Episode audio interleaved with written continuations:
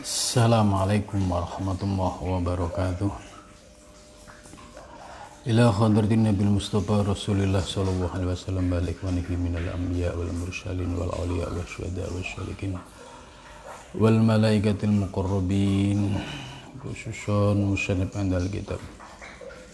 Syekh Abu Hamid bin Muhammad bin Muhammad bin Muhammad Al-Ghazali At-Tusi. Wa khususon Syekh Masih وقشا لهم الفاتحة. أعوذ بالله من الشيطان الرجيم. بسم الله الرحمن الرحيم. الحمد لله رب العالمين. الرحمن الرحيم. مالك يوم الدين. إياك نعبد وإياك نستعين. اهدنا الصراط المستقيم. صراط الذين أنعمت عليهم غير المغضوب عليهم ولا الضالين. آمين.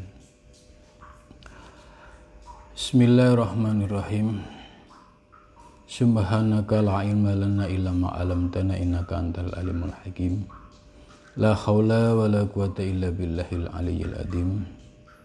Rabbi shrah li sadri wa yassir li amri wa hlul 'uqdatam min lisani yafqahu qawli amin ya rabbal alamin.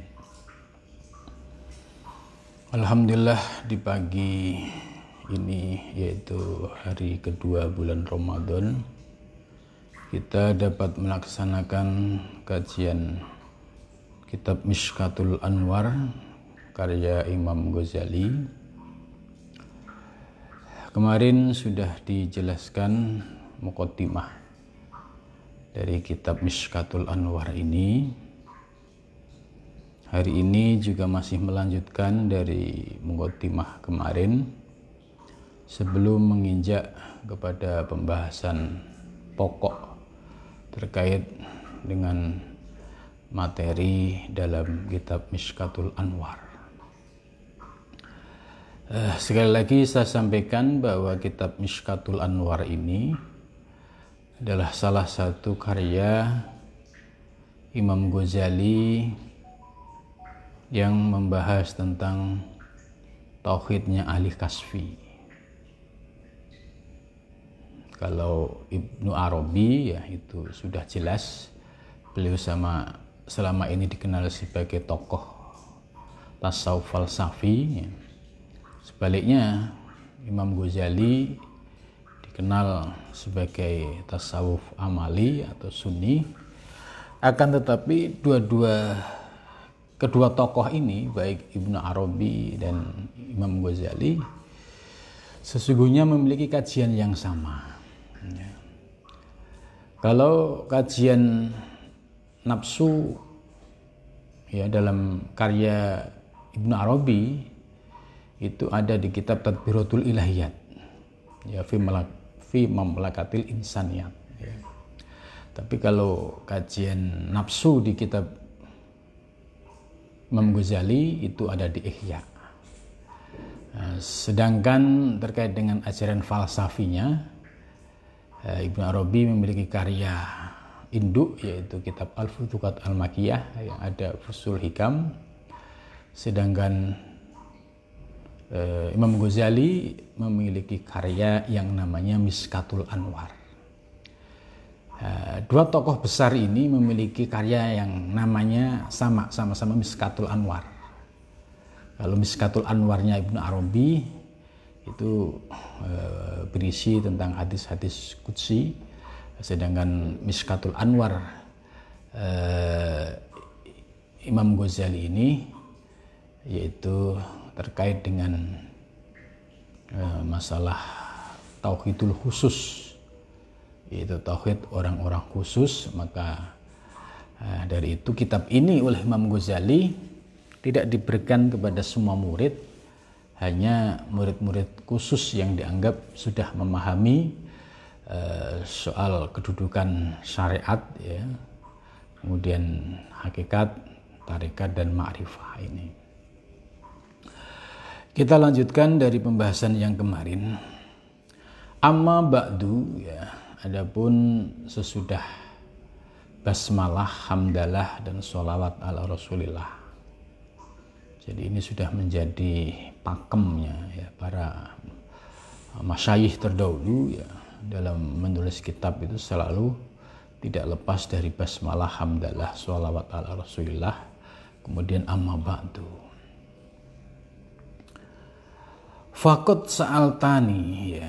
Ini ceritanya ada ya, temannya Imam Ghazali itu yang minta ya. Fakot sa'altani dan sungguh engkau telah bertanya kepadaku atau meminta kepadaku. Ayuhal akh, wahai saudaraku, al-karim yang mulia. Qayyadakallahu semoga Allah melimpahkan kepadamu. Litolabis sya'adah untuk mencari kebahagiaan al-kubro yang besar menurut Imam Ghazali ya bahwa ketertarikan seseorang dengan kajian-kajian filosofis ya, kajian-kajian ilmu hakikat ini dalam mukaddimah ini ya didoakan oleh Imam Ghazali ya bahkan termasuk orang-orang yang ingin meraih kebahagiaan yang hakiki yaitu kebahagiaan yang kubro syahadatul kubro ya kebahagiaan yang sangat istimewa. Ya kalau bahagia secara materi ya itu masih fata morgana. Ya. sebab tidak selamanya orang itu dengan materi bahagia. Banyak orang materinya banyak tidak bahagia juga banyak. Tapi untuk meraih syahadatul kubro kebahagiaan yang hakiki kebahagiaan yang besar ya baik lahir maupun batin nah ini harus memiliki dasar dan akar keilmuan yang kokoh yang menjadi pondasinya. Kalau pondasi ya, hakikatnya itu kokoh, maka ini sebagai salah satu uh, syarat untuk memperoleh syahadatul kubro, kebaan yang hakiki. Ya. Ini warasahaka lil urus ila darwatil ulya. Dan Imam Ghazali juga mendoakan ya mudah-mudahan ini engkau ya, ya saudaranya atau temannya Imam Ghazali ini mudah-mudahan ya ditarik diangkat oleh Allah ya untuk naik pada sebuah tempat lil uruj ya ila darwatil ulia hingga pada martabat yang tinggi jadi dengan dasar ilmu hakikat ini atau ilmu tauhid khusus ini, jadi banyak istilah ya, atau sering disebut ilmu hakikat, sering disebut tauhid khusus ya. Kalau Ibnu Arabi menggunakan istilah tauhidul wujud itu ya. Ini ya didoakan oleh Imam Ghazali ya, semoga bisa menjadi sarana untuk naik kepada ya, makom yang lebih tinggi. Berarti ya untuk meraih makom yang tertinggi ya salah satu bekalnya adalah ilmu ilmu hakikat seperti ini gitu.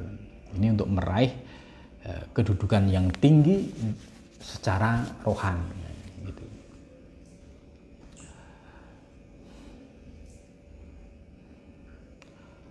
Wah wakhala dan semoga Allah ya membiaskan kalau kahala makna aslinya itu kan celak gitu ya nah, dicelai artinya dan Allah membiaskan cahaya ya binuril hakikati dengan nur hakikat basyirotaka yaitu kepada basyirohmu kepada hatimu ya basyiroh itu ada pandangan lahir dan pandangan mata batin. Ini didoakan oleh Ibnu Arabi, eh, maaf, Imam Ghazali. Ya, kalau kita belajar ilmu-ilmu hakikat semacam ini, ini akan diberikan anugerah yaitu memperoleh eh, limpahan nur hakikat ya dalam basyiroh kita, dalam hati kita. Maka orang-orang yang belum memperoleh anugerah uh, rezeki untuk memahami ilmu-ilmu hakikat ini ya misalnya hanya sekadar belajar ilmu fikih tok.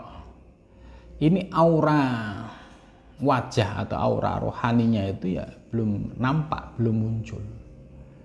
Itu maka menurut Imam Ghazali ini bahwa dengan memiliki bekal ilmu hakikat ini ya akan membias ya kepada basirohnya pandangan baik pandangan lahiriah dan pandangan hati.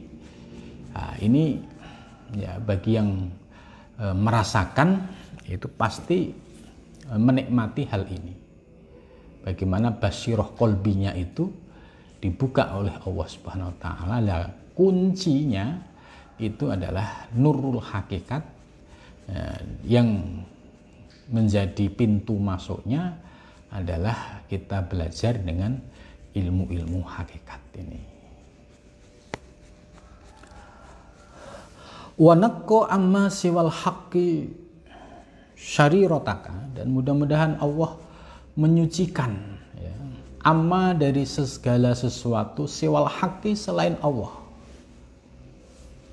Nah, ini doa-doa yang sekaligus ya Imam Ghazali memberikan peta ya peta ini loh kalau kamu belajar ilmu hakikat ini yang akan Anda rasakan itu adalah satu Anda akan mendapatkan kebahagiaan yang hakiki yang disebut syahadatul kubro. Yang kedua Anda akan bisa naik ya di sisi aspek rohaninya ya itu kepada makom yang lebih tinggi. Dan yang ketiga ya basyiroh hati kita akan disinari ya, dengan nur hakikat dan yang ketiga ya hati kita atau pikiran kita akan dibersihkan disucikan oleh Allah dari apa amma siwal haqqi ya dari segala sesuatu selain al-haq.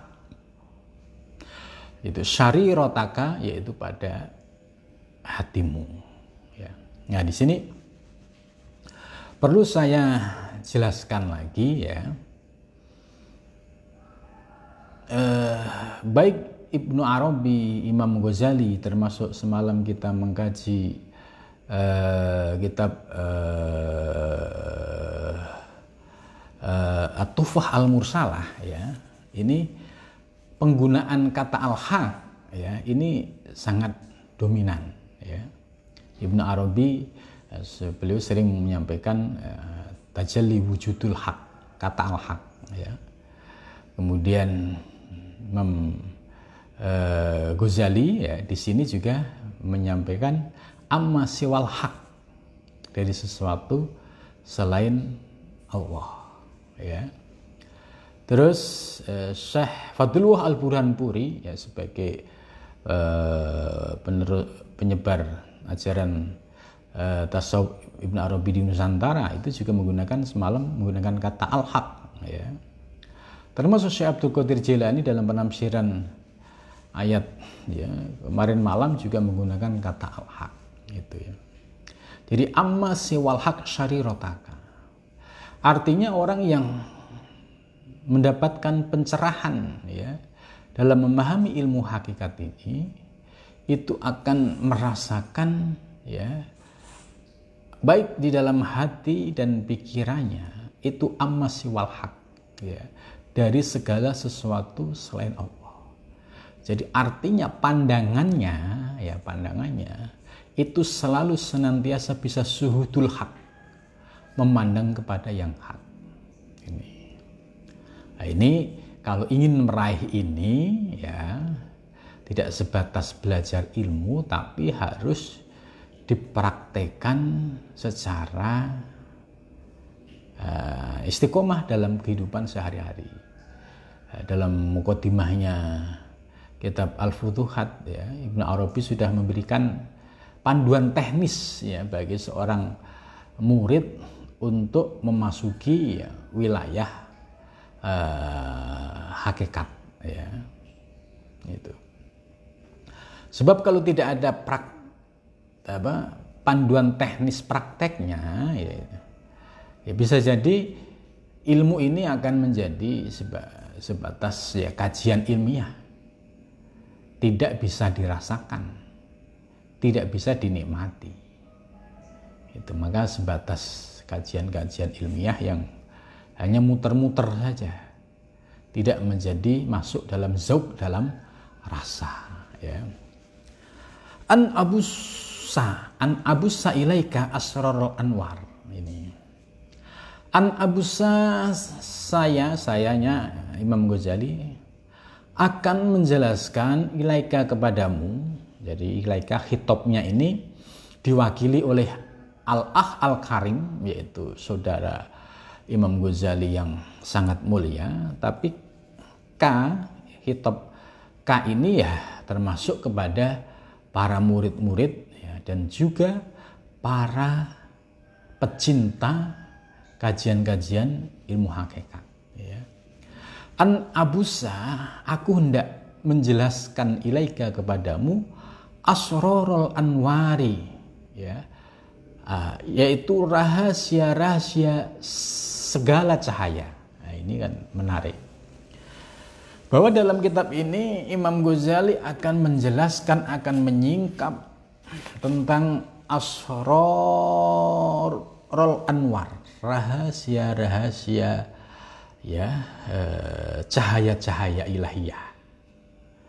Nah, di sini menggunakan eh, makna-makna simbolik ya menggunakan uh, simbol nur atau cahaya.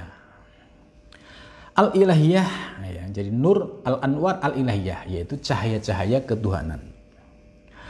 Makrunatan yang dibarengi bitakwil lima yushiru ilaihi dawahirul ayati al matluwah. Jadi penjelasan tentang asrorul anwar ilahiyah, penjelasan tentang rahasia-rahasia nur ketuhanan itu tidak sebatas ya berdasarkan imajinasi tapi dibarengi dengan bitakwil ma yushiru ilaihi dohir yaitu dibarengi dengan penjelasan takwil sebagaimana diisyaratkan oleh ayat-ayat yang bersifat dohir ya. Jadi ada dasar argumentasi ayat Qurannya itu dohiril ayah al-matwah yang dibaca wal ahbar dan sumber-sumber hadis wal ahbaru dan sumber-sumber ini ngatof atofnya ke dohirul ayat wal ahbaru dan sumber-sumber hadis al marwiyah itu yang diriwayatkan Ya. ya, ini yang perlu dipahami terutama bagi para pecinta ilmu-ilmu tasawuf, ilmu hakikat, ilmu torekoh. Baik Imam Ghazali maupun Ibnu Arabi ya, itu sudah menyampaikan di Muqaddimah ya. Waktu kita ngaji Al-Futuhat Al-Makiyah juga Ibnu Arabi menjelaskan argumentasi yang sangat kokoh tentang dasar ilmu-ilmu hakikat yang sumbernya adalah A1 ya yaitu dari sahabat-sahabat Nabi yang terdekat seperti uh, Ibnu Abbas, Abu Hurairah, dan Sayyidina Ali, Abu Bakar, Sayyidina Abu Bakar ya. Dan diperoleh ya melalui sanat-sanat mutasil gitu. Jadi Ibnu Arabi memperoleh sumber-sumber tadi itu melalui sanat-sanat mutasil hingga Imam Bukhari. Berarti artinya kualitasnya itu soheh. Gitu. Ini bagaimana upaya Ibnu Arabi ya untuk memperkokoh argumentasi ortodoksi yang berdasar Quran hadis ini sangat kokoh bahkan kemarin dijelaskan ada beberapa sumber eh, beberapa riwayat ya baik yang bersumber dari gurunya yang ada di Andalusia, di Cordoba, di Sevilla, sampai beliau juga mendapatkan sumber dari Mekah ya di Masjidil Haram. Ini sebagai upaya supaya kalau ada yang mencela ilmu tasawuf, ilmu hakikat, bahwa itu bukan ajaran Nabi itu sudah dipatahkan oleh Ibnu Arabi. Ya gitu. Nah ini terbukti ya bahwa banyak sekali orang-orang yang belum paham tentang ajaran Ibnu Arabi sudah ikut-ikutan menyesatkan. Ya. Pernah saya sampaikan ya, di forum seminar internasional di Malaysia ya saya menyampaikan bahwa tasa kalau ajaran ya, Imam Ghazali sudah mak, mak, maklum dan masyhur ya bisa dipahami dan diterima di uh, wilayah uh, Nusantara atau Asia Tenggara. Tapi kajian Ibnu Arabi di wilayah Nusantara itu itu masih menjadi problem pro kontra. Ya, bagi yang paham tidak akan menyalahkan dan menyesatkan. Bagi yang belum paham karena F ngikut-ngikut Nah, ini mereka sering ikut-ikutan menyesatkan. Ya, satu contoh saat seminar itu saya sampaikan bahwa ajaran Ibnu Arabi adalah ajaran yang muktabaroh. Memiliki landasan Quran dan hadis yang kuat dan kokoh. Itu. Kemudian ada yang menyesatkan. Yaitu ada di forum itu ada eh, teman dari Malaysia, alumni Al-Azhar. Beliau termasuk orang yang ikut menyesatkan. Gitu kan. Terus saat itu saya tanya, apakah anda pernah membaca kitab karya-karya Ibn Arabi? Belum ada. Bagaimana anda belum belajar kitabnya Ibn Arabi sudah menyesatkan Ibn Arabi? Silahkan dibaca. Ternyata dia hanya ikut komentar-komentar ya seperti Ibnu Taimiyah ya dan lain sebagainya yang tidak paham dan tidak bersentuhan langsung gitu. Maka akhirnya dalam forum itu ajaran Ibnu Arabi ya dianggap sebagai ajaran muktabaroh yang memiliki dasar Quran dan hadis yang kuat. Termasuk dalam penjelasan mukaddimah ini uh, Imam Ghazali juga menyampaikan ya, bahwa ajaran-ajaran hakikat ini ya ini selain bersumber dari asrornya para arifin billah juga memiliki dasar Quran dan hadis yang kuat, yang kokoh. Bita makrunatan bita'wil ma yushiru ilahi dawahirul ayati al-matluwah wal ahbar al-marwiyah. Itu maka karena itu ya bagi para muhibbin, para pecinta ilmu-ilmu hakikat ya, tasawuf dan tarekat ini uh, tidak boleh ragu lagi ya gitu itu. Jadi kalau ada kelompok yang menyesatkan itu biasanya ya kelompok yang tidak paham atau ikut-ikutan ya. Seperti Wahabi itu menganggap tasawuf itu bid'ah ya, menganggap uh, tarekat itu bid'ah ya. Karena faktor ketidaktahuan dan mereka mengikuti pendapat yang tidak memiliki dasar. Sementara kalau dia mau membaca karya-karya besar Ibnu Arabi, Imam Ghazali termasuk ini yang soal hakikat, itu akan terbuka. Oh iya, semua ada dasarnya ya jadi jangan ikut-ikutan kemelinti nyesat-nyesatin ya. Mislu qaulihi ta'ala sebagaimana firman Allah taala Allahu nurus samawati wal ar ya.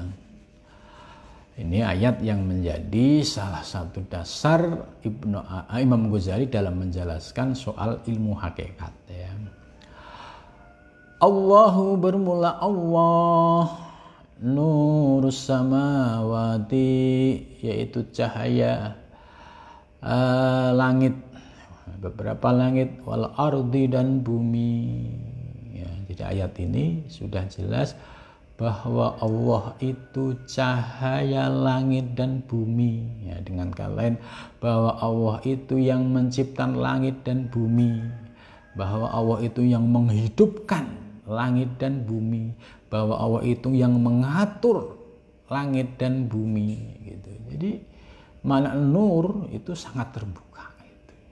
maka tidak ada keraguan lagi ya. Allah nurus sama wati wal ar tanpa cahaya Allah ya niscaya tidak ada alam semesta. Tanpa kehendak Allah ya niscaya tidak ada alam semesta. Tanpa kehendak Allah ya tidak ada wujud samawat wal ar itu. Maka ini sebagai dasar Quran gitu. Jadi kalau ada yang ngengek, istilahnya masih ngeyel gitu. Nah, bagi orang yang belum paham ilmu hakikat dalam memahami Allah nur samawati wal ar ya nur diartikan cahaya secara fisik gitu kan. Nur diartikan ya, seperti gaya cahayanya lampu di ruangan ini ya. Ini ruangan ini bisa menjadi terang karena ada lampu.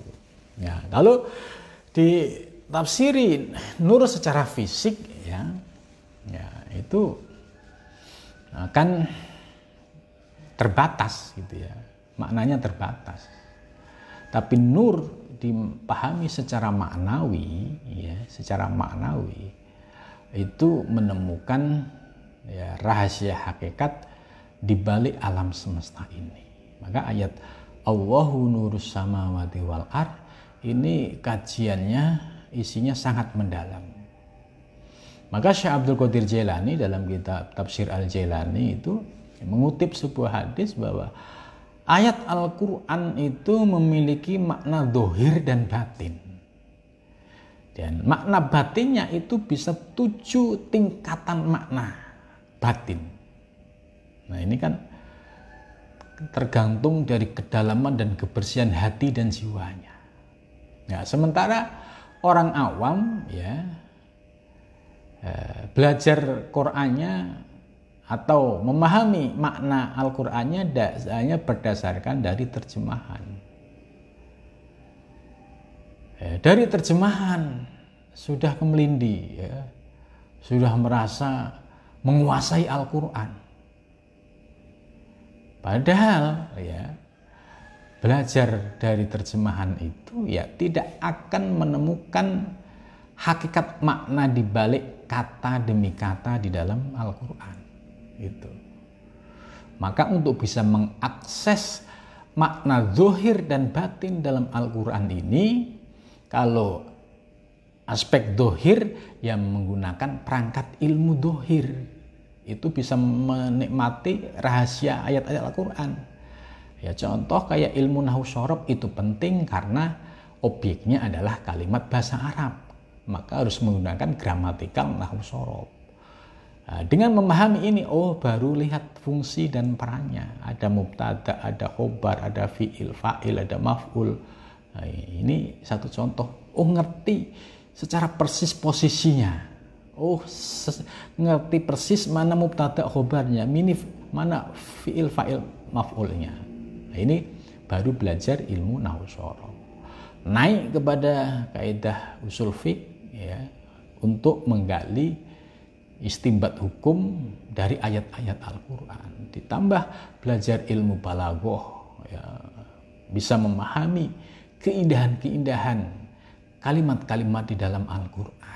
Nah, untuk mengakses makna batin dari ayat Al-Qur'an yaitu ya pintu masuknya melalui ilmu tasawuf, ilmu hakikat dan ilmu tarekat ini untuk bisa memperoleh makna-makna batin dari Al-Qur'an ya. Jadi jadi kalau kita paham peta seperti ini itu kita akan nampak ya kebodohan kita dan kekurangan kita ya.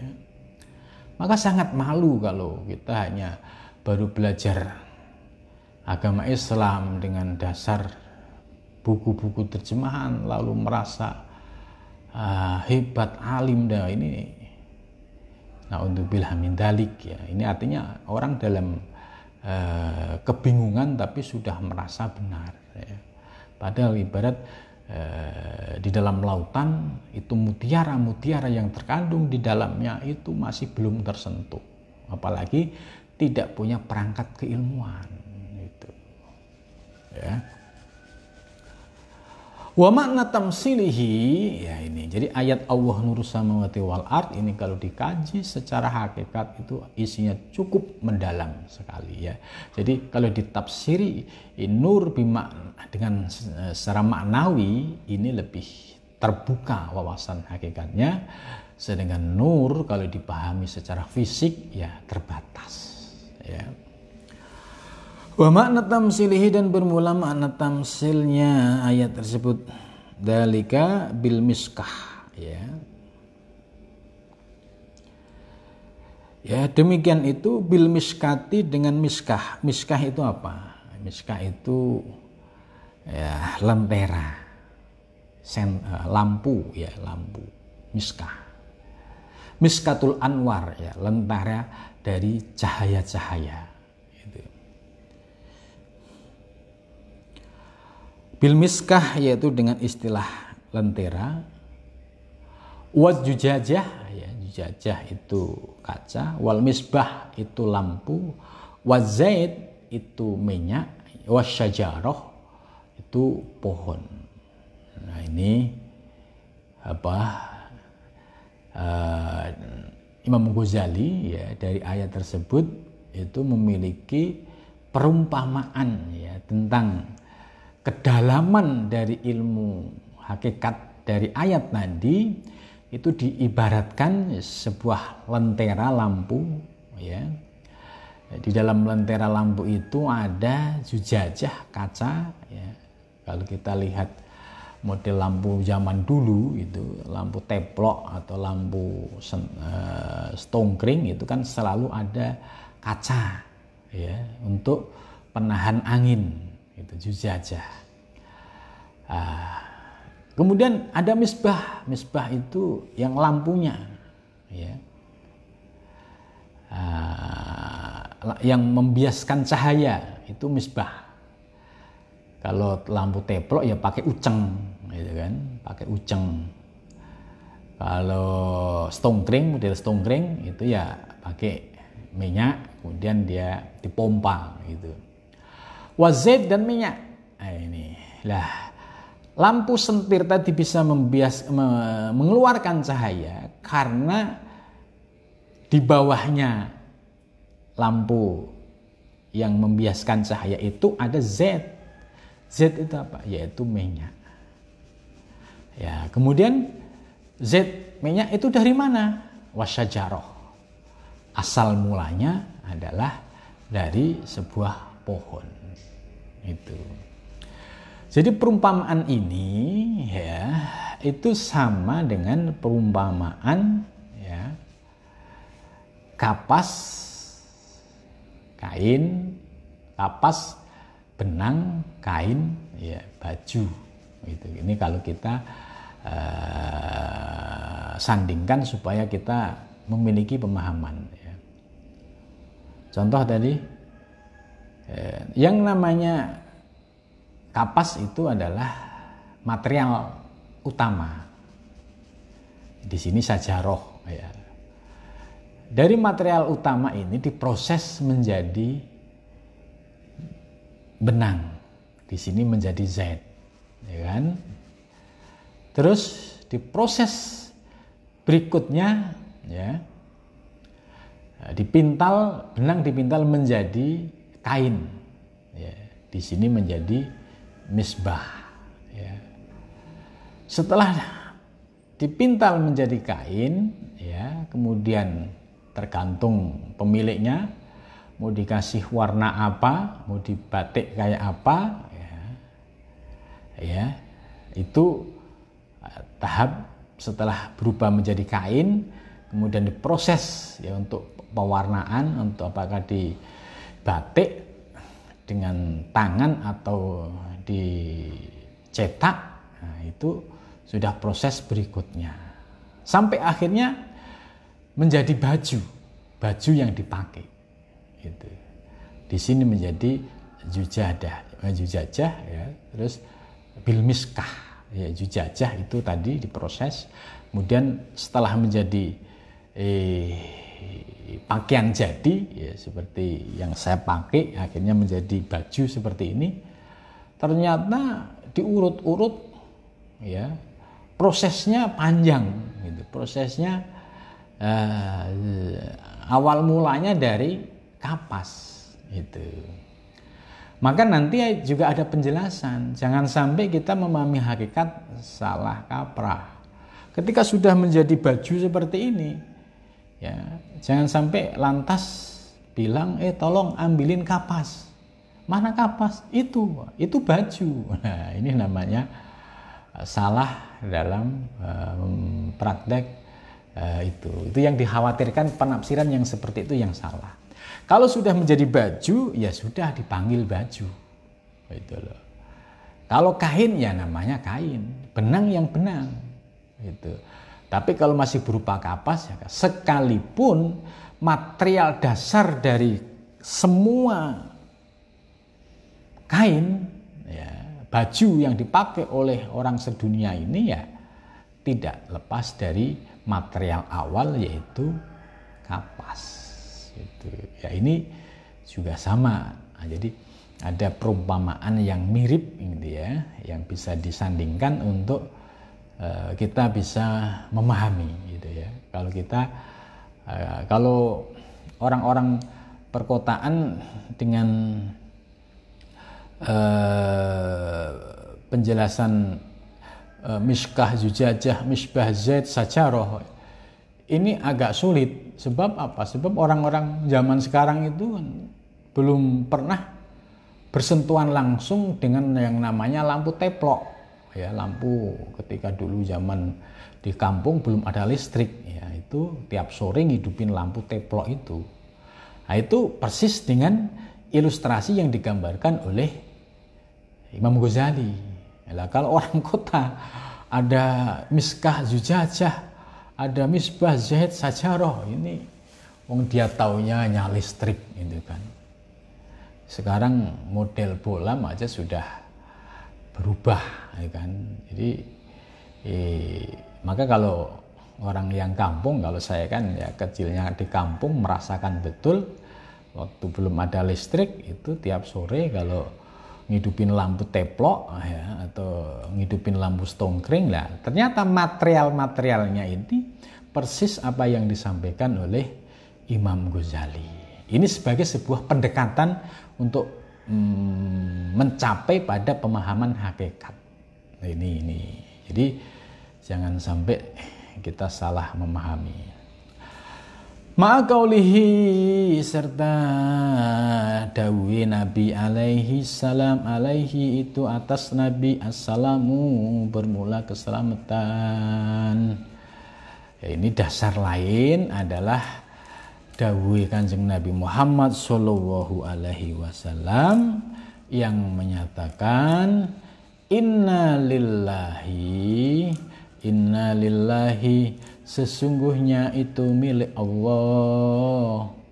Syab'ina ada 70 apanya yang 70 hijaban hijabnya jadi hijab ini sebagai tamjiz ya. Hijab macamnya apa aja min dari cahaya wadul matin dan kegelapan. Nah, jadi menurut hadis Nabi ini bahwa Allah memiliki 70 hijab. 70 hijab ini ya ada yang berupa hijab nurani. Ya ini kalau kita baca Fusul Hikamnya Ibnu Arabi, beliau menggunakan istilah hijab nurani. Ini ya.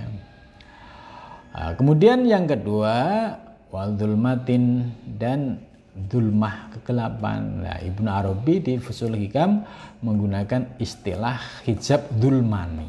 Jadi hijab ada dua, nuroni dan dulmani. Lah, nanti penjelasannya nanti. Wa innahu dan sesungguhnya lau kasyafaha andai lamun eh, menyingkap ya ha pada hijab atau pada la akhraqat la akhraqat niscaya akan kebakar ya syabhatu wajihi ya yaitu uh, bias dari wajahnya. Kuluman setiap orang adrokahu yang menemukannya ya basyuruhu pada pandangannya. Nah, uh, maksud dari hadis ini ya bahwa Allah itu memiliki 70 hijab ini maknanya simbolik. 70 itu cukup banyak ya dan itu perlu dipahami hijabnya itu ada nuroni dan dulmani lah ya, saya jelaskan sekilas menurut penjelasan Ibnu Arabi bahwa hijab dulmani itu hijab ya yaitu terkait dengan eh, pandangan yang lahiriah. Eh, seperti orang memandang kehidupan alam semesta kalau dipandang secara lahiriah, maka akan terjadi akan terhijab yang disebut dulmani, ya. Melihat kehidupan alam semesta tidak mampu mengembalikan kepada Allah. Itu termasuk hijab dulmani. Orang diberi kekayaan ya tidak bisa bersyukur kepada Allah, itu terhijab. Itu namanya hijab dulmani. Itu orang diberikan kedudukan ya kemudian dia lupa diri ya mengikuti hawa nafsunya, nah itu termasuk orang yang terhijab dulmani. Ya. Sedangkan hijab nuroni itu hijab yang dijelaskan bahwa seorang yang menuju Allah itu terkadang memperoleh anugerah pengalaman rohani. Nah, dalam pengalaman rohani ini juga banyak hijabnya. Itu. Misalkan dia merasakan pengalaman rohani ya bisa mimpi melihat cahaya-cahaya misalkan. Lalu cahaya itu ngomong bahwa aku Allah misalkan. Itu seperti kisahnya ya Syekh Abdul Qadir Jilani gitu ya. nah itu kalau terjebak dengan iming-iming itu itu menjadi hijab itu contoh lain ya, dia eh, diberikan bisa masuk ke wilayah metafisik, ya, ke dunia jin. Lalu terpesona dengan tipu daya jin, ya dia juga akan terhijab. Gitu. Termasuk yang uh, agak tinggi, ya misalkan diberikan anugerah oleh Allah bisa uh, melihat surga, misalkan bisa Nah, terus terpesona dengan surga, tidak sampai menuju Allah, ya, tidak bisa memandang kepada Allah, itu juga terhijab. Nah, jadi inilah yang disebut hijab nuroni dan hijab dulmani. Bagi seorang salik harus memahami peta ini. Ya, oh, yang masuk hijab dulmani itu apa saja, yang masuk hijab nuroni itu apa saja. Karena kalau kita sudah paham peta, ya insya Allah kalau di, ibarat kita mau jalan lihat ada uh, itu uh, tanda lalu lintas kiri kanan nah, kalau kita bisa ngikutin itu ya kita insya Allah selamat gitu ya. Misalkan harus belok kiri kok kita kanan bisa tabrakan dengan yang lain. Nah ini artinya bahwa dalam perjalanan rohani itu dengan adanya uh, ngaji kitab ini kita bisa paham betul ya peta mana yang termasuk hijab yang e, menyebabkan kita tidak bisa sampai kepada Allah Subhanahu wa taala ya karena faktor hijab tersebut. Ya mudah-mudahan ya Allah memberikan anugerah kepada kita bisa ya diberikan kekuatan ya untuk menyingkap 70 hijab baik yang nurani maupun dulmani. Ya, amin ya rabbal alamin ya sudah cukup sampai di sini saja. Terima kasih atas perhatiannya. Wawul muwafiq ila akumitorik wassalamualaikum warahmatullahi wabarakatuh.